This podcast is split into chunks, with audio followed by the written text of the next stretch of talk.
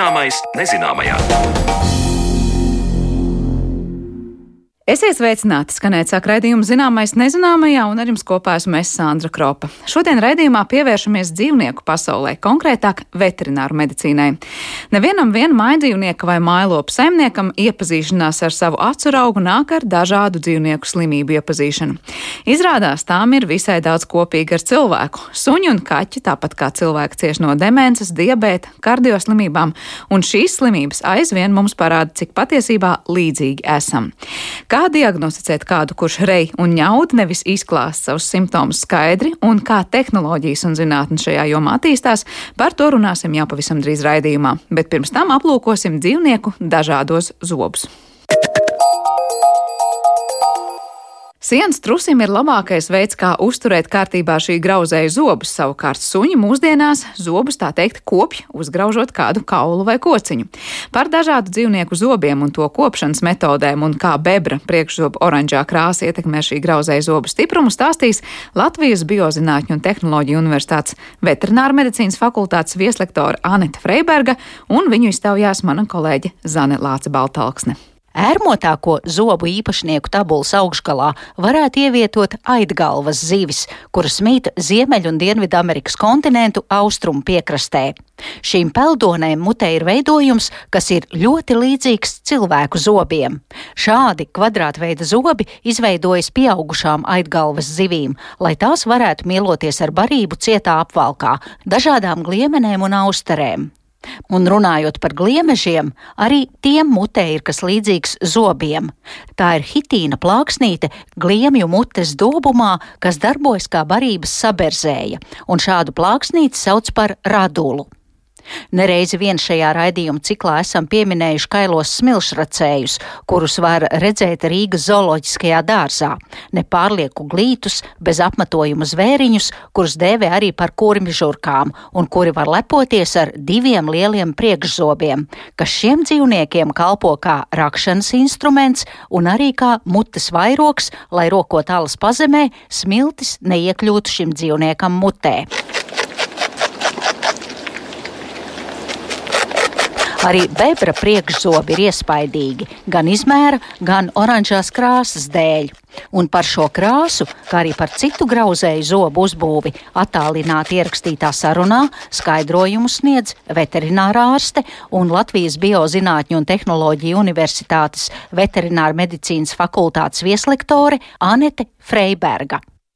Vispār, lai zobus koptu, viss ir atkarīgs arī no tā, ko dzīvnieks ēd. Jo ikdienā tas pats zaķis, degūpēle, kāmis, jūras cūciņa, viņiem tas ēdiens, ko viņi ikdienā ēd, tas arī nodrošina to zobu pareizu dilšanu. Piemēram, bebram, viņam šie priekšzobi ir arī oranžīgā krāsā, un kas viņiem nodrošina arī šo zobu spēcīgumu, ir, ka šajos zobos arī ir um, dzels klāt, un tas dzels rada šo oranžīgo nokrāsu krāsu, un viņš lokalizējās tieši priekšzobu daļā, kas ir iekļauta emaljā iekšā, tas arī padara bebra zobus tik unikālus un spēcīgus, ka viņi spēj to koku graust. Un, protams, tā koku graušana arī palīdz deldēt tos zobus, bet viņi tos zobus padara tādus kā, tā kā asmeņus, tā kā šķēres, jo priekšdaļa dilst lēnāk kā aizmugurs daļa, un tas arī veido to zobu asumu un spēcīgumu.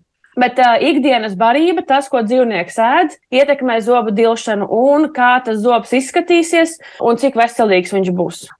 Tad es saprotu, ka visiem iepriekš minētajiem grauzējiem tai barībai ir jābūt tādai, lai šie dzīvnieki var graust un deldēt savus zobus, jo citādi zobi izaug un kļūst par traucēkli, un dzīvnieks vairs nevar uzņemt barību un rezultātā aiziet bojā.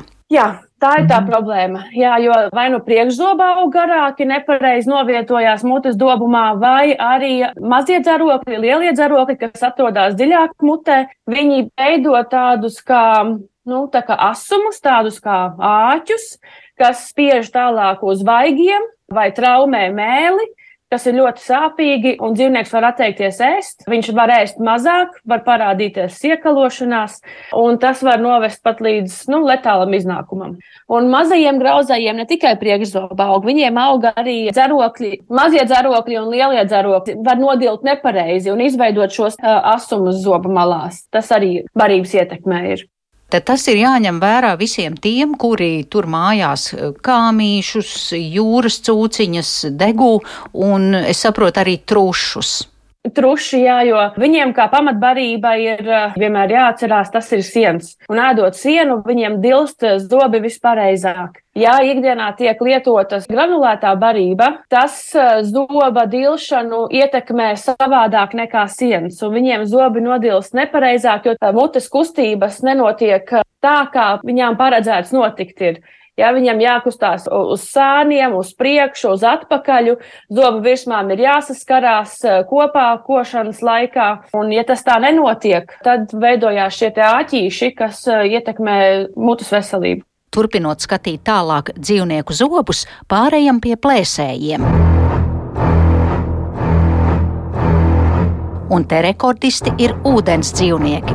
Pirmkārt, tās zobainākās ir haizivis. Tām mutē ir no 45 līdz 50 zobiem.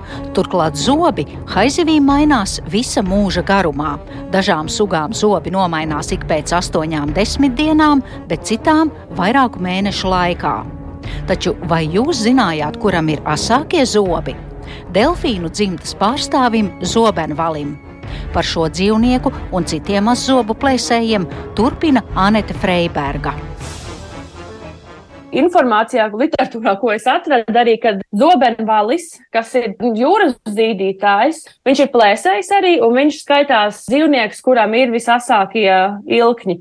Pēc tam seko saldūdens krokodils un uh, sālsūdens krokodili, kuriem arī pieskaitās pie uh, spēcīgākajiem uh, ilkņiem starp dzīvniekiem. Bet, ja mēs skatāmies uz tik ierastiem mājdzīvniekiem, plēsējiem, kā uz uh, suņiem un kaķiem, kuriem tad arī daba ir paredzējusi šos ilkņus, lai varētu notvert un ēst cietu un sīkstu barību, bet mūsdienās, kā zināms, šie mājdzīvnieki galvenokārt pārtiek no uh, sausās un mīkstās barības. Kā tas ietekmē to zobus? Tas, protams, ietekmē zobu funkciju. Un, Pirmkārt, ilgņi dzīvniekiem, ja mēs skatāmies uz suņiem, kaķiem, viņi ir domāti barības upura notvēršanai, barības satvēršanai, saplosīšanai. Ja, tad mūsdienās, ja mēs skatāmies uz tagadējo pamatbarību, ko suņi kaķi ēd, viņiem tie ilkņi nu, nekalpo tādā veidā. Ja? Viņi nav tik intensīvi lietoti ikdienā, kā viņi, ja viņi dzīvotu, piemēram, savvaļā, kur viņiem būtu jānomedī dzīvnieks, jānogalina un pēc tam jāpēd. Tagad, kas notiek ar, ar barību, šī ir tā konservētā barība, sausā barība, kas ir kā pamatbarība lielākoties, viņa prasa maz košļā bojāšanas kustību, maz sagraušanas kustību, jo um, graudiņi ir mazi, uh, vienreiz uzkož uz tā graudiņa, viņš sadrūp dzīvnieks norīt. Un šī barība, protams, arī ietekmē dzīvnieka mutes veselību. Un uh, ātrāk var veidoties aplikums uz zobiem, ja zobi netiek pareizi kopti un netiek dzīvniekam piedāvāts vai nu šie speciālie graušanas skauli graust, vai, piemēram, tas pats svaigais kauls pagraust, vai laukā kāds koka zars, ja tā arī uh, suņi notīra savus zobus, it sevišķi to mīksto aplikumu. Bet, ja tas mīkstais aplikums uz zobiem paliek, viņš netiek notīrīts, tas veidojas jau par zobakmeni, kas tālāk paliek ciets, apņem to zobiņu, ietekmē smaganu veselību, un tad uh, novēro šīs zobu problēmas, smaganu problēmas, nepatīkamu elpu, mutes veselība pasliktinās. Mūsu mežos mītošiem savvaļas plēsējiem, lapsām, vilkiem, caunām un lāčiem zobakmens, protams, nedraud. Dabā zobu kaitas var rasties vecuma vai dažādu traumu rezultātā, kad dzīvnieks, zaudējot zobus, vairs nevar sev notvert medījumu un tāpēc aiziet bojā. Lūkojot uz nākamo dzīvnieku grupu, uz zālēdājiem, runa ir par govīm un zirgiem. Un izrādās, ka zirgu zobu kopšanai veterinārā medicīnā izmanto speciālas vīles. Nu, uh, zirgi un govis. Es droši vien sākšu ar zirgiem, jo zirgiem ir uh, biežāk šīs zobu problēmas salīdzinājumā ar govīm kad viņiem arī var nodilt zobi nepareizi, izveidojot šos zobu asās malas, kas arī ietekmē mutes veselību. Šī zoba asās malas var traumēt mēli un traumēt vaigus. Un atkal tas ir ļoti sāpīgi, un tāpēc zirgam arī var samazināties apetīte, un šī te barība mutē nepietiekami sakošļāta, kas tālāk atkal var ietekmēt gramošanas sistēmu, ja barība jau mutes dobumā netiek sagramota pareizi. Tāpēc uh, zirgiem, ja ir šāda problēma, viņam tiek šīs asās zobu malas vīlētas, novīlētas nost, tādā veidā uzturot zirga mutes veselību, nu, labā stāvoklī, ja šāda problēma ir. Zirgam, protams, arī pamatbarība ir siens, viņam ir jāplūdz zāle, ja viņš ir laukā ganībās, ja, un šīs Ēšanas eh, kustības arī eh, nodrošina pareizu zobu nodilšanu. Ja pareizi nodilst arī priekšzobi, kas tiek izmantoti zāles plūkšanas laikā, tad arī pareizi nodilst pārējie zobi, kas ir mazie dzerokļi un lielie dzerokļi. Par zirgiem skaidrs, un sakiet, kā tas ir ar govīm? Nu, govīm zobi ir eh, ļoti līdzīgi zirgu zobiem. Ja mēs skatāmies uz govīm, tad viņām ir mazāk problēmas mutes dobumā salīdzinājumā ar zirgiem. Izskatās, ka zobi nodils pareizāk, jo govs ikdienā arī ēd sienu, ēd rupjo barību, kas zobus nodeldē pareizāk. Tātad visa pamatā ir barība. Vienalga, vai tas ir sienas zālēdājam vai gaļa plēsējam, tas, ko un kā dzīvnieks ēd, ietekmē tā zobu stāvokli.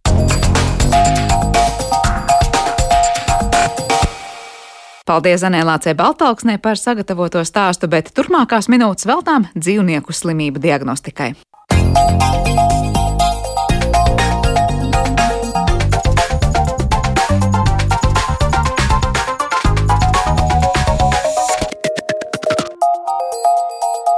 Zināmais nezināmajā. Jo ilgāku laiku mūsu tuvumā ir mīļdzīvnieki un mailopi, jo vairāk iepazīstam to organismu īpatnības, slimības un arī ceļš uz to ārstēšanu kļūst raitāks. Te lielā mērā palīgā nāk dažādas tehnoloģijas, kuras ļauj gan ielūkoties dzīvnieku orgānu darbībā un skeleta sistēmā, gan iepazīt šūnu darbības procesus mikroskopā. Par dzīvnieku slimību un traumu diagnostiku tad arī mēs turpmākajās minūtēs runāsim ar mūsu studijas viesiem un priekš šeit šodien redzēt veterinārā ārstus Litu Konoporu un Aleksandru Ozolu. Labdien! Labdien! Labdien. Es sākšu ar to, cik ļoti līdzīgi daudzās gan slimību, traumu ziņā mēs esam ar dzīvniekiem tajā, ko mēs varam viens otram diagnosticēt un pieskatīt, un cik ļoti lielā mērā tiešām veterinārija un tā saucamā cilvēka medicīna nu, ir, ir saistīta un roku rokā patiesībā darbojas. Es sākšu ar Lītu par to, cik ļoti mēs varam šobrīd teikt, ka, nu, diagnosticēt traumas vai slimības dzīvniekiem ir nu, praktiski tāpat kā cilvēkam iespējams. No vienas puses, faktiski jā, tie ir ļoti līdzīgi procesi, ļoti līdzīgas uh, diagnostikas metodes. Un tajā pašā laikā teiksim, tas būtiski atšķirīgais ir gan šis anatomiskais, gan šis fizioloģiskais. Un, protams, arī piemēram, sāpju un emociju izpausmes veidi, kas ir daudz vieglāk atpazīstami cilvēkam, ja, nekā dzīvniekam, jo mums vienmēr uh, iztrūkst šī te uh, verbālā komunikācija.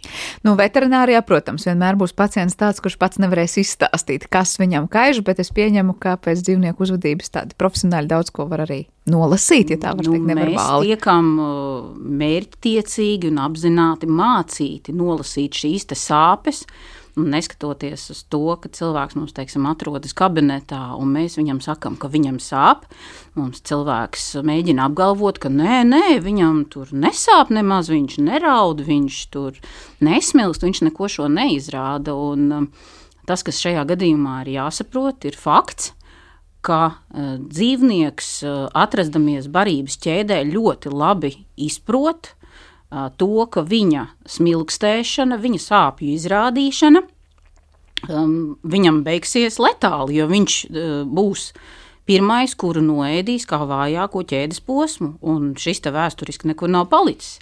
Slēpšanās zem vannas, zem gultas, mazāk parādīšanās ir viens no pirmajām pazīmēm, ka kaut kas nav kārtībā. Un, piemēram, kaķis, kuram neatkarīgi no nekā mēs nezinām, kas viņam sāp vai kas viņam ir diskomforta cēlonis, viņš to ļoti ātri parāda ar nēšanu. Un tāpēc kaķis, kurš atsakās no barības, es vienmēr saku, ka vairāk par vienu diennakti tur nav ko gaidīt.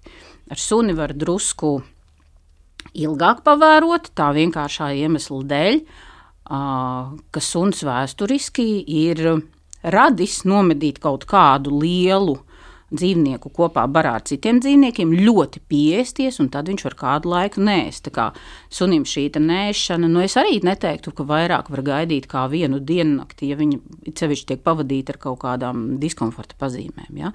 Tā kā, nu, mums uh, nedrīkst. Uh, Manuprāt, tas, ko mēs drusku zaudējam ar tām jaunajām tehnoloģijām, nedrīkst nenovērtēt uh, anamnēzes ievākšanas milzīgo nozīmi, sevišķi veterināra medicīnā.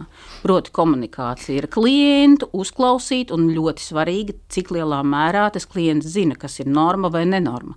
Un jo mazāk saimnieks zina par savu dzīvnieku un izprot savu dzīvnieku, jo ar lielākiem diagnostiskajiem uh, izmeklējuma rēķiniem viņiem ir jārēķinās. Jo tā informācija, kur mēs nevaram ievākt no viņas, mums, mums ir uh, jāmeklē jāmēģina, tehnika, jā. jā, tieši tā, jāmeklē ar tehniku, ar analīzēm. Kādas ir tās tehnoloģiskās iespējas, vai te mēs runājam par analīzēm un līdzīgi kā cilvēkam paņems asins analīzes, urīna analīzes un izdomās un sapratīs, kas skaiš, kas nekaiš cilvēkam, vai te patiešām ir pat ļoti sarežģītas tehnoloģiskas ierīces, kam tiek pakļauti dzīvnieki? Aleksandra. Um, nu, tehnoloģijas jau ir visdažādākās, nu, līdzīgi kā cilvēkiem. Un, un sākot tiešām ar laboratorijām, un arī laboratorijas ir absolūti atšķirīgas. Ir um, tādas, kuras, kuras piedāvā iespēju noteikt, kas notiek asinīs vai, vai urīnā vai, vai citos substrātos 5-10 minūšu laikā jau var dabūt analīžu rezultāts. Ir, kur ir nepieciešams savākt noteiktu apjomu pacientu skaitu, lai varētu palaist to aparatūru. Tad, protams, ka varbūt reizes dienā viņi tiek darbināti. Līdzīgi, protams, ir arī dzen, tie paši rengeni, sonogrāfijas aparāti, tagad magnetiskās rezonanses aparāts, um, elektrokardiogrāfijas, asinsspiedienu mērīšanas. Nu, faktiski jau, ja kaut kas ir cilvēkiem uh, un tas nemaksā mm, miljonus, tad, tad visticamāk, tas ir kādā veterinārā klinikā arī pieejams. Lai gan, lai gan piemēram, kaut kādas um, aparatūras, kas ir domātas uh, radioterapijai, kas ir domātas uh, nuklīdu noteikšanai organismā, scintigrāfijas izmeklējumiem, kas ir tiešām miljonu vērtas. Uh, atsevišķās valstīs viņas universitāšu klīnikās ir un arī dažas privātās klīnikas, kur viņas tiek izmantotas. Nu, Latvijā vēl, vēl tas, protams, ka nav. Bet Latvijā šobrīd ir iespēja, nu, kā jūs minējāt, magnētiskā rezonance, piemēram, dzīvniekiem. Tā jau ir ierasta lieta, kas notiek. Ja? Tad tādu veidu izmeklējumus Latvijā veids. Jā, šī šobrīd ir realitāte. Jā. Tas ir pieejams. Kuros gadījumos dzīvniekam veids sonogrāfijas un magnetiskās rezonances izmeklējumus? Nu, izmeklējumi jau vienmēr ir ar kaut kādu nolūku atbildēt uz jautājumu. Te ir tas, tas lielākais darbs ārstam, izmeklējot dzīvnieku, izjautājot saimnieku, izjautājot pašu dzīvnieku, lai pateiktu, kāds izmeklējums ir nepieciešams un kāpēc ir nepieciešams. Nevienmēr tas, ka aparāts kaut kur stāv, nozīmē, ka viņu vajag noteikti dzīvnieku izmeklēšanai. Un tad, tad ļoti svarīgi ir tieši šī, te, kā, kā dr. Līta teica, komunikācijā ar dzīvnieku īpašnieku, ja viņa nav veiksmīga kaut kāda iemesla dēļ, tad lielāka iespēja ir, ka šīs aparatūras tiks izmantotas. Ja viņi ir veiksmīgi, tad var gadīties, ka šī aparatūra arī tā pastāvēs, ja, un, un, un vairs nebūs vajadzīga. Bet, nu, visticamāk, kā darbojas, es nezinu, tur kaķa vai suņa aknas, nieres, kuņģis, un kāds ir zarnu, tur sieniņu, es nezinu, stāvoklis, jau nenoteiks komunikācijā ar, ar, ar dzīvnieku saimnieku vienu, vai ne? Jā, tur ir jāsakrīt raksturīgām pazīmēm, raksturīgai vēsturei, kas liek domāt, ka pie vainas, nu, mūsu gadījumā mēs vairāk esam tendēti izmeklēt tomēr nervu sistēmas dažādas daļas, tātad galvas smadzenes, muguras smadzenes, nervu saknītes. pēdējā laikā mm, ar ārstiem mācāmies un, un apgūstam arī locītavu izmeklējumu metodiku. Tā kā ceļu locītavas, karpālās un lecamās locītavas, tais gadījumos, kad nebūs iespējams noteikt diagnozi, piemēram, sonogrāfiju, datortomogrāfiju, mēs, mēs iesim tālāk uz magnētisko rezonanci.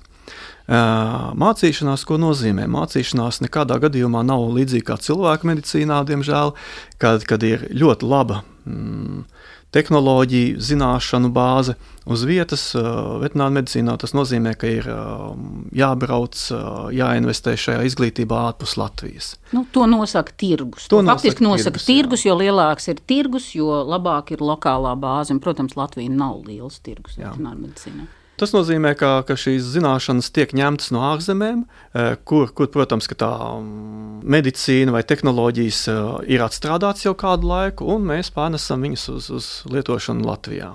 Bet eh, tas speciālists, kurš ir apmācīts, piemēram, nu, veikt to datortomogrāfiju, piemēram, magnētisko rezonanci tur dzīvniekam, ja, var teikt, lielā mērā tas tehniski notiek tāpat kā cilvēkam, jo, vai, vai, vai nu es tagad iedomājos, noturēt suni vai kaķi kaut kādā noteiktā pozā, kaut kādā konkrētā vietā, laikam ir daudz lielāks izaicinājums nekā vienkārši cilvēkam pateikt, tagad guliet, jums notiks tas un tas. Nesakiet visu, nesakiet visu, jo, piemēram, mazi bērni. Ja?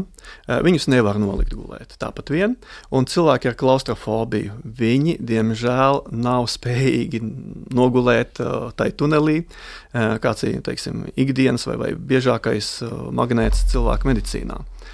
Veterināra medicīnā mēs izmantojam tomēr medikamentozes līdzekļus, lai dzīvnieks atslābinātos, atslēgtos, un šis te mm, skaļais izmeklējums varētu noritēt bez, bez traucējumiem. Var teikt, tajā brīdī pilnīgā narkozē ir dzīvnieks, vai tas ir tāds nu, pus, puslīdz tāds uh, miedziņš un atslābums, kurā dzīvnieks atrodas, un tad jautājums, vai tas traucē, netraucē tam. O, jā, nu, tā ir uh, anestēzija, tā ir narkoze, bet viņa ir tāda, nu. nu kā, tas nav tāda, tāda pati narkoze, lai var izoperēt, piemēram, vēdera dobumu. Mm -hmm. ir... Jā, tur prasās papildus atsāpināšana, jā. Tas ir tikai, lai padarītu nekustīgu, mazkustīgu un varbūt viņš nedzirdētu. Mm -hmm. Nu, vienmēr tiek izmantota cilvēkam, nu, cik dziļa būs tā narkoze un kā. Jāsaprot, ir to, ka mēs vienmēr meklējam zemāko efektīvo devu, pie kuras mēs sasniedzam mums nepieciešamo rezultātu. Vienmēr tiek sākts ar zemāko, zemāko efektīvo devu, lai tas dzīvnieks uh, netraucētu šim izmeklējumam. Tā kā, bet arī nav tā, ka tajā brīdī, kad uh, dzīvnieks ir nu, ar šo devu, ka, proti, ir kaut kas, ko nevar noteikt, jo dzīvnieks šobrīd atrodas tādā kā miegā. Ir kaut kāda rezonance, nav pie tām, bet ir citi izmeklējumi veidi, piemēram, tā pati sonogrāfija, kurā cenšas neizmantot, uh, neizmantot ne, ne sedāciju, ne kur nu vēl narkozi. Ir sevišķi tas ir svarīgi, ir, ir būtiski noteikt kaut kādu, piemēram, zarnu kustību Ja, tur, kur ir kaut kādi uh, kust, kustību, atvilni, zarnas, jā, zarnu, bet, piemēram, jā, atvilnis vai, vai ir vai nav. Jā. Uh, tādas lietas, protams, cenšas izvairīties no. no nu, savukārt, rengendiagnostikā uh, visu laiku uh, tiek, tiek dzīvniekiem uh, rekomendēts lietot an anestezijas un sedācijas tomēr.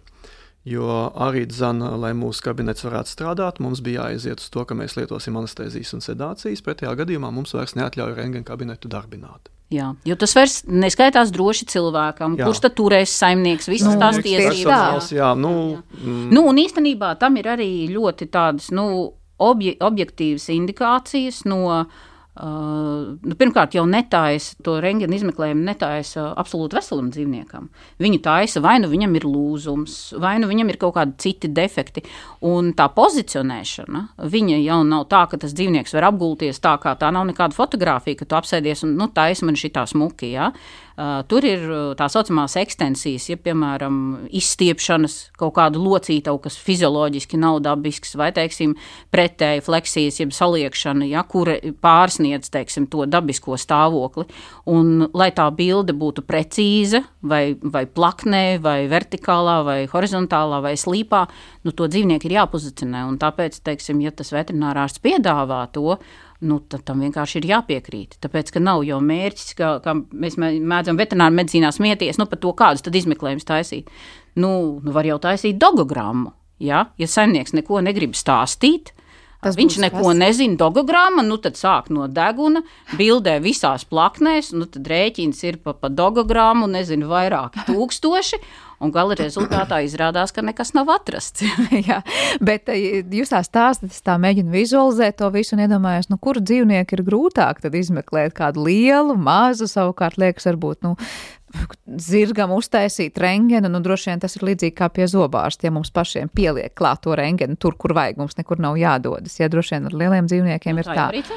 Ar, ar mazākiem savukārt liekas, ja tur pavisam mazs suns vai kaķis, kā tur atrastīs to vietu un, un nesajaukt to ar kaut ko citu. Kur ir tas lielākais izaicinājums? Um, nu, parasti jau ir tas, ka tiešām mums to pacientu izmēri ir krasi variējoši, jo varbūt no dažiem simtiem gramu un beidzot ar 120, 130 kg. Tas ir tikai runājot par eh, Un mīļdzīvniekiem. bullīti. Par mīļdzīvniekiem, sunīšiem, kaķīšiem runājot. Un tad, tad, protams, ka atkal no otras puses dažādās dzīves stadijās, tikko dzimis vai, vai, vai pat vēl, vēl, vēl mātes miesās, ja, un, un, un, un, un vecs dzīvnieks. Tur ir gan dažādi izmēri, gan dažādi tie attēli, ko mēs iegūstam, gan dažādi viņi ir jāinterpretē, jālasa. Jo, jo tieši tā, jo vienam, vienai un tai pašai sugai, uh, arī starp to, kurš ir resns un kurš ir tievs, tur arī būs pilnīgi cita interpretācija, cita pilnīgi citi interpretācija. parametri, jā, jo tauki ir ļoti būtisks kā kontrasta materiāls, tāpēc, piemēram, maziem dzīvniekiem, kuriem nav šo tauku, viņiem uh, Nu, tas ir atkarīgs no izmeklējuma metodas. metodes un Datortomogrāfijā vispārējā, un protams. rengenā ir Bet tauki tam visam ir nozīme. Sonogrāfijā viņi traucē. Jā, nu, sevišķi, ja viņi paliek pa daudz, bet ap tām pašām nierēm viņi arī veido tomēr kontrastu. Kontrastu viņi veido. Jā, viņi kontrastu veido labi. Tā kā tādu aptaukojušos kaķi sonogrāfijā izmeklēt būs gr daudz grūtāk nekā normāla izmēra Rengenā kaķi. būs pēnas detaļas, katru ieredzēs atsevišķi. Uh, Varētu pat kādu asinsvadiņu ieraudzīt, un datortomogrāfija vienkārši ideāli. Tāpēc nevajadzētu nobarot tā. kaķus, lai vienreiz dzīvē var būt datortomogrāfija redzētu atsevišķi, jo Labāk īstenībā tie, tie sliktumi, kas resnām kaķim var uh, rasties, no viņa resnuma ir daudz vairāk nekā labuma, un viens no tiem ir, piemēram, Sirds cukura diabēts, uh, kam ir rasni kaķi ļoti predisponēti. Otrs ir uh, kaulu locītavu sistēmas problēmas, jo kaķim šī lekšana apgrūtinās, jā, un kardiovaskulārā, jeb sirds asinsvadu saslimšanas. Tie visi ir tie, uz ko tad rodas šī noslieca no tā rasnuma. E, Te pieminētais diabetes. e, Nevienam vien ir pārsteigums parasti izdzirdot, ka dzīvniekiem jā, ir arī cukura diabetes. Cik izplatīta slimība, piemēram, cukura diabetes ir veterinārijā? Un tad vai mēs runājam vairāk par kaķiem, suņiem vai pilnīgi jebkuru? runājam par kaķiem.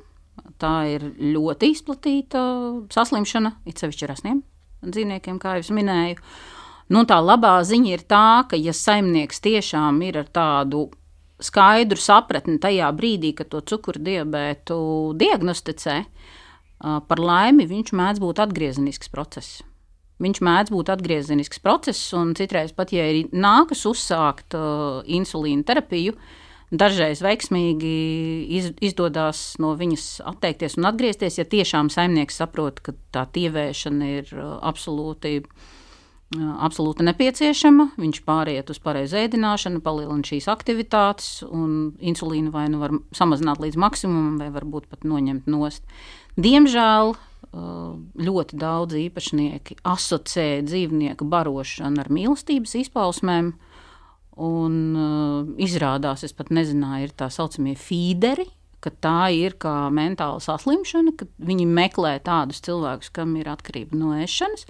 Un, uh, cilvēks cilvēku nobaro līdz nāvei, un pēc tam viņš meklē savu nākamo, uh, nākamo up- upuri. Es noteikti to nesen uzzināju par to um, dokumentālo filmu. Es noteikti viņu gribēšu noskatīties. Un tā kā šī ir problēma, un tur neko nevar izdarīt, tas cilvēks piekrīt, jā, viņš saprot, jā, tāds viņš man ir, resns viņš man ir un tā. Bet kā var neparūt? Jā, kā var acīs. Viņš laiks skatās, viņš man prasa, viņš man nāk līdzi, un, bet tā ir komunikācija. To var- Tas, protams, ir tas jau, kā mēs eh, komunicējam ar savu dzīvnieku. un Jā, kā bet, bet dzīvojam. insulīnus, jā, bet insulīnus, piemēram, daļu mēs varam izmantot arī no humānā medicīnā izmantojumiem, jā, bet ir arī speciālie veterinārie. Ar ko atšķirsies Insulīnu. kaķim un sunim vai cilvēkam insulīns? Nu, sākotnēji jau visi insulīni tika ražoti uz um, uz dzīvnieku audu bāzes. Ja?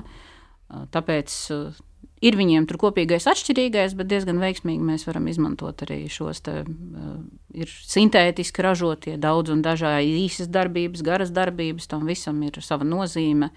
Un arī pareizai ievadīšanas tehnikai ir milzīga nozīme, un arī uh, tam, kā viņu glabā, un arī tam, uh, vai, tās, vai cilvēks cenšas izmantot, jo tur taču ir pateikts, cik ilgā laikā viņu drīkst izmantot. Ja? Bet cilvēks jau nav nekāds muļķis ja viņam ir mazs kaķītis, viņš taču redz, ka tas insulīns tur sanāk četriem mēnešiem. Viņš taču lietos četriem, bet to, ka ražotājs ir pateicis, ka teiksim, pēc 30 dienām metiet viņu ārā, viņš, tak, ne, viņš cilvēks ir taupīgs. Ja? Un tā efektivitāte krīt, un viņš nāk un sūdzās, ka viņam tur ne, nestrādā. Tātad virkne sīku lietu, šķietami sīku jā. lietu, kas, kas jā, jāņem vērā. Uh, bija kas piebilstams vēl pie diabēta dzīvniekiem. Jā, uh, Diabetes dzīvniekiem ir ārstējams tikai tik tālu, kamēr ļoti laba sadarbība starp vetārstu un dzīvnieku īpašnieku. Jā. Jo dzīvnieku īpašnieks ir mm, faktiski tas, kurš būs ārstēšanas turpinātājs, un ja nav īsti saiknes, vai arī dzīvnieku īpašnieks nav pietiekami atbildīgs, tad tai ārstēšanai visbiežāk nav nekāda rezultāta. Bet tā diagnosticēšana patiesībā ir līdzīga kā cilvēkam. Tās ir asins analīzes dzīvniekam, mm -hmm. ja, kas parāda, ir vai nav cukurdiabetes. Nu, faktiski primārās ir uh, asins. Un uh, urīna analīžu kopums, kurā tu redzi, kur mēs atrodamies ar, ar uh, glukozes līmeni, ar katonu vielām, Viss ir, viss ir tieši tāpat jā, kā cilvēkam. Tāpat. Cik ļoti dažādas lietas var nolasīt dzīvnieku asins analīzēs? Es iedomājos, nu, cilvēkam tur, ja kaut ko vajag, mēs varam no vēnes ņemt, no pirksta ņemt analīzes, dzīvniekam vienkārši no ķepas, vai, vai tur arī ir vēna, ķepa un visādi citādi. Protams, nu, protams. kā, kuros gadījumos? Viss ir atkarīgs no tā, cik daudz mm. asinis vajag. Jā, piemēram, ja mums ir vajadzīgs glikozometram, glukozes līmeņa nomērīšanai, tad mums pietiek no mazas, maza punktveida dūruma. Uh, Ausī, ja. vai, vai turpat ir kas ņem no ķepas pilventiņa. Jā, bet tas ir viens piliens. Un tajā pašā laikā, ja mums teiksim, ir vajadzīga konkrēta kaut kāda diagnostikas metode, nu, piemēram, 4 ml asiņu, nu, tad no, no, tā, no turienes tu neizspiedīsi. Tur būs tiešām pile. Ja? Nu, tad mēs izmantojam vai nu vēnes, kas ir uz ķepām, vai nu mēs izmantojam vēnes, kuras ir uz kakla. Tās ir vislielākie asiņu ņemšanas avoti. Izklausās briesmīgi. Ne? Jā, jā, jā. Bet nu, īpaši, ja sunītis ir kaut kādi pusotra kilograma un, un, un jāpaņem ir kādi 4 ml, tad tas ir liels izaicinājums. No, no ķepas tas nevienmēr iznāk.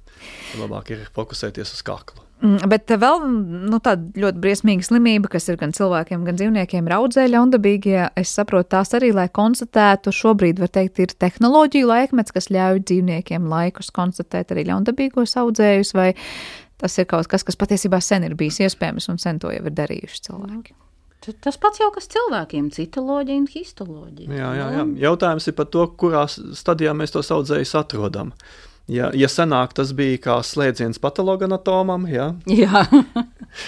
tad, tad tagad jau jaunākās tehnoloģijas, kas ir, tās ir uh, sekvencēšanas, kad nosaka audzējus, pirms viņi jau parādās kā lieli veidojumi pēc, pēc analīzēm. Nu, šī metodoloģija gan vēl attīstās un, un marķieri. marķieri tiek noteikti kā pakalpojumu. Šur tur jau parādās publikācijas, ka varētu izmantot. Uh, reāli dzīvam dzīvniekam, pacientam, no, nu, ja mēs runājam par, par, par neredzamiem veidojumiem, kas, kas nav uz ādas vai uz āru redzami izspiedušies, tad, protams, ir jāieskatās iekšā tajā organismā. Analīzēs, asins analīzēs, parasti tomēr mēs ar šodienas metodēm, kas ir klīniskā apritē, varam noteikt tikai varbūt asinsvēzi. Uh, ja jāizdomās, un arī ka... tad, jau, tad, kad viņš ir diezgan progresējis. Jā. Jo ķermenis ir ar tādu, citreiz cilvēks saka, nu kā, nu kā viņš mirst, kā ar vēzi, bet viņam ir tik labas analīzes. Ja? Organisms nodrošina tā saucamo homostāzi, jeb, jeb līdzsvaru. līdzsvaru. līdzsvaru. Un ķermenis cenšas asinis noturēt līdz pēdējiem brīdim līdzsvarā. Un citreiz ir tā, ka tu redzi dzīvnieku un pilnīgi ir skaidrs, ka tu saimniekam ir nu, neko labu pateikt nevar. Un saimnieks saka, kā, bet viņam ir tik labas analīzes. Ja? Bet tad tur to visu slikto ieraudzīs sonogrāfijas, ir tās, kas pateiks, ja vai nav nu, kāda audzē. Ja, ja veidojums novietots tā, ka tiek klātīma skaņa, ja, ultraskaņa. E, tad sonogrāfiski viņi ir iespējams ieraudzīt. Bet, piemēram, plaušā veidojuma ultraskaņa netiek caur gaisam. Kas ir plaušā, un tad tur, diemžēl, ieraudzīt ar ultraskaņu nevarētu. Tad jāizmanto rengena aparāts. E, ja tas tā ir struktūra, kas ir ietverta iekšā kaulā, ja, no visām pusēm, kā galvas smadzenes, piemēram, tad tur nedz ultraskaņa tiek klātīma īsti normāli, lai varētu izskatīt visu, nedz arī rengens dos kaut kādu labu attēlu. Datortomogrāfiski reizēm izdodas ļoti labi izmeklēt, nu tad mums tālāk nāk magnētiskā rezonanse. No pagājušā gadsimta 70. gadiem mm, arī pamanīja, ka dažādi audzēju veidi uh, rada uh, izmaiņas uh, magnētiskajā laukā pie radioviļņu iedarbības. Un tad arī uzķēra, ka šo metodi var izmantot audzēju diagnostikā cilvēku medicīnā. Un 80. gados jau sāk izmantot jau kā aparatūru audzēju diagnostikai, magnētisko rezonanci. Bet, protams, tagad, tagad ir aparāti kļuvuši daudz jaudīgāki, daudzas lietas ir atslīpētas, programmas ir atslīpētas, līdz ar to mēs redzam arī daudzas lietas, kas nebūtu nav audzēji. Jā, nu un citreiz īstenībā ir tā, ka tad, kad ir ir kaut kas atrasts, tas nebūtu nenozīmē, ka tas ir spriedums. Citreiz tā ir vienkārši atradne, kā piemēram vecam dzīvniekam, nu, kaut kādi kalcināti, ja, izgulsnējumi. Tas ir kaut kas tāds, kas vienkārši ir nu, vecuma radītas izmaiņas, kuras ir fizioloģisko nu, normu robežās. Nu, protams, agrāk, piemēram, tāds cilvēks nodzīvoja līdz 90 gadiem, viņš nemaz nezināja, ka viņam ir kaut kādas cistas tur nierēs vai kaut kas, jo ir lietas, ar kurām diezgan ilgi arī turpina dzīvot un funkcionēt. Jā, un, un, un teiksim, demence, jau vecuma kognitīvie traucējumi. Par tādiem vispār neko vispār, nezināju. Jā. Vienkārši tā bija kaimiņiene Marta, kaut kāda pilnīgi dūla palikusi. Jā, par cilvēkam labi, jā. Nu, jā. dzīvniekiem tāpat. Tieši tā, par dzīvniekiem runājot arī, ka demence arī ir dzīvniekiem jā. un ir diagnosticējama, un es pieņemu, nu, laikam grūtāk ieraugāma nekā varbūt asins analīzēs. Vai citas lietas? Ko var vai nevar pateikt? Uh, nu, ir tā, ka vecuma izraisīti kognitīvie traucējumi, ja? tā ir uh, tāda simptomu grupa. Klīniska diagnoze. Klīniska diagnoze, uh, kur dzīvnieks kļūst apātiskāks, dzīvniekam mainās uh, attiecības ar apkārtējo vidi ar saimniekiem, ar, ar telpu. Viņš var apmaldīties, viņš var sākt būt nesociāls, var izrādīt bailes, kaut kādas agresijas. Un tieši tāpēc mēs novērojam, ka pazaudē tos vecos dzīvniekus.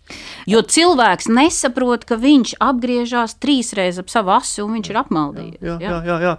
Uh, pazūda, pazūda iemācītas, tikko apgūtas lietas. Ļoti bieži ir redzams tas, ka vecs dzīvnieks sēdot no bludiņas, vairs neuzlasa apkārt ēdienu. Viņam tās drupačas vairs neinteresē. Viņš tur pēc cik vajag un aiziet un kaut kur noguļās. Intensīva laizīšanās vai kaķiem viņš pārstājas mazgāties. Ja? Nu, lielos vilcienos šādi pat var izskatīties ļoti daudzas arī slimības, kur ir pie vainas vielmaiņas problēmas, vairogdziedzers, kur dzīvniekam ir slimības, kas ir ar sāpēm, kur ir kaķis, kurš maskustīgs, nerūpējas par sevi, sēž kā uh, statujus, sildās visu laiku, nu, sirds slimības, jā, apakšā. Ķepās ieauguši nagi, kurš ķepās viņš, teiksim, nagi, jā, jā. es nevaru pateikt, man jā, ir grūti. Jā, tāpēc, ka viņam ir grūti pārvietoties, viņam locītavs sāp, viņš vairāk tos nagus neasina, un tie nagi sāk ieaugt ķepās, jā. Bet un... tā var būt galvas problēma. Jā. Bet to galvas problēmu, piemēram, varētu ar to magnētisko rezonanci ieraudzīt arī tīri Ar magnētisko fiziski. rezonanci fiziski mēs pasakam, ka tur nav audzēji, ka tur nav pie vainas iekaisumi, eh, ka tur nav, eh, nav kaut kādas eh, masīvas deģeneratīvas izmaiņas galvas smadzenēs, smadzenēs, ka tas ir bez redzamām patoloģijām, tātad, respektīvi, visticamāk, nu, ja vēl sekundā mēs redzam novecošanas pazīmes, ka tās smadzenes paliek ar dziļākām rievām, vairāk šķidrums tur iekšā rievojumos, krokojumos ir. Tad mēs varam teikt, jā, ka tās varētu būt tīri kognitīvas izmaiņas. Trakums ir tajā, ka kaut kādas iejaukšanās šajā novecošanas procesā, demencē, lai viņi dabūtu atpakaļ, dabūtu kādus uzlabojumus, ka tas ir laika ietilpīgi. Divi, trīs, četri mēneši, lai redzētu, ka, ka seko uzlabojums. Un, ja ir tomēr vēl papildus kaut kādas slimības, tad tie, tas ir laiks, ko mēs zaudējam no iespējams kaut kādas terapijas. Tādēļ ir gadījumi, kad, kad var iztikt bez diagnostikas, bez magnetiskās rezonanses Ir gadījumi, kad magnētiskā rezonance mums ļauj pateikt, vai tiešām mēs varam fokusēties uz šīm vecuma problēmām. Varbūt, mums ir jāārstē pavisam vēl arī dzen, kaut kas cits. Runājot par to, kā savulaik ir kaut kas diagnosticēts vai nav diagnosticēts, var teikt, ka nu, šobrīd ir tas uzplaukuma laiks, kad mēs varam teikt, ka mēs par dzīvnieku slimībām, traumām un visām pārējām veselības problēmām varam pateikt nu, maksimāli daudz, un varbūt vēl pirms 20 gadiem tā pasaule bija pilnīgi cita. Es varētu teikt, ka nu, tā ir kā Piln, diena es pret te, nakti. es teiktu, ka pilnīgi cita. Es uh, savu karjeru veterinārā medicīnā sāku 89. kā Rīgas zooloģiskā dārza sākumā kopēji un pēc tam ambulants ārsts, uh, ārsta palīgs atvainojos. Un, uh, nu, Tas bija laiks, kad mēs uh, pret smilšu papīru asinājām adatu galas, galus. Jā, jā. skalpeļus Jā, asinājām. skalpeļus asinājām. Jā. Uh, tagad nopērkamos infūziju šķīdumus mēs paši vārījām. Jā, nu, tā kā nu, saprotat, cik, cik strauji ir tas uh, tehnoloģija attīstības kāpums. Uh, arī dzen, jā, suņiem bija kādas četras slimības, ar ko viņi slimoja. Kad nāca iekšā klīnikā, atlika tikai uzmest, kas būs. Jā, jā, tas bija uzliesmojums, parovīrusu uzliesmojums, kurš bija atvests no Maskavas, un visi veterināri ārsti vainoja.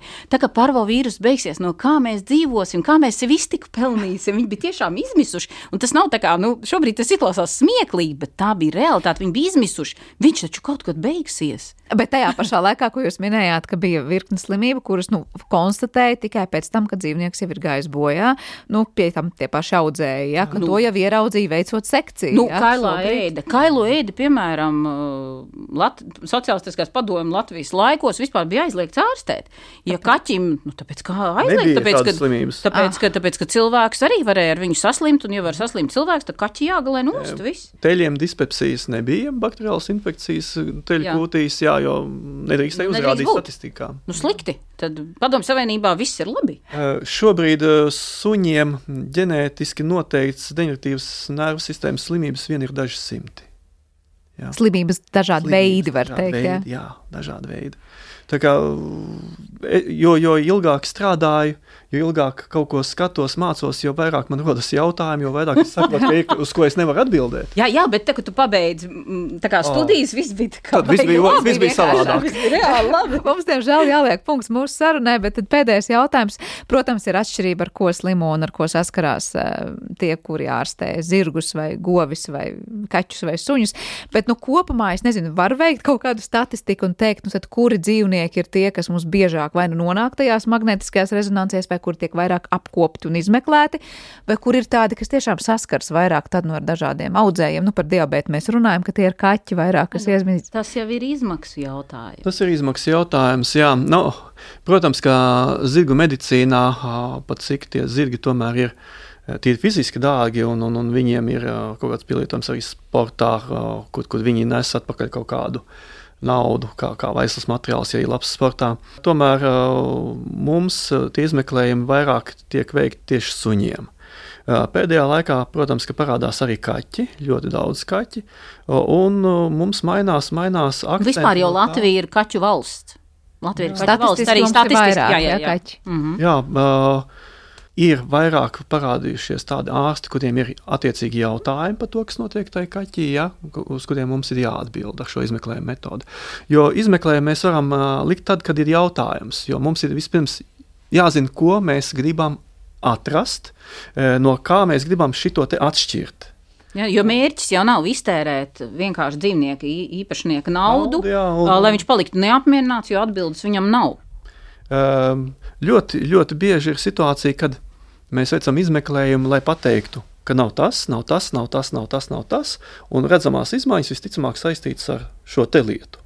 Protams, tā izslēgšanas metode Nu, arī ir. piemēram, atbilde. gastroenteroloģija izslēgšanas metode vispār ir gandrīz vai primārā, kad uzsāk, piemēram, izpēti ar caurējām un daudzām citām lietām. Jā, mēs par kuģu izpēti, bet Jā. patiesībā un diagnostiku neparunājam, bet arī gastroenteroloģija dzīvnieku pasaulē, var teikt, ir gana izplatīts iz, izmeklējuma veids, kur paskatās, kas notiek ar Jā, bet tāpat tā sāk ar izslēgšanas metodēm. Ļoti daudz ir svarīga anamnēze. Jā. Jā, anamnēze. Nu, šobrīd izmeklējumi, protams, ļauj izvairīties no nevajadzīgas medikamentu lietošanas. Vai arī uzsākt lietošanu tādās devās atbilstoši, kas ir vajadzīgi konkrētai situācijai. Kad vajag un, un cik Jā. vajag. Jā, nu liels paldies! Jautājumu, protams, vēl varētu būt daudz, jo dzīvnieku ir daudz, un, kā jūs teicāt, arī slimība ir ļoti daudz, par kurām runāt, un tehnoloģija laikmets arī palīdz nāk tālāk ar to, ka ir iespēja paskatīties uz to dzīvnieku daudz detalizētāk, bet, kā Līta saruna sākumā teica, galvenais neaizmirst arī vērot pašu dzīvnieku, dzīvnieku uzvedību un pazīt savus mājas mīluļus, lai zinātu, kas ar viņiem īsti notiek. Paldies par šo sarunu. Veterinārā ārsta Lita Konopora un Aleksandrs Ozols šodien bija mūsu raidījuma studijā. Par šo raidījumu parūpējās producenta Paula Gulbīnska, mūzikas redaktors bija Girds Bišs, skaņu režijā Elizabete Šaicāno, bet studijā es Sandra Kropa. Mēs tiekamies jau pavisam drīz. Uz redzēšanos!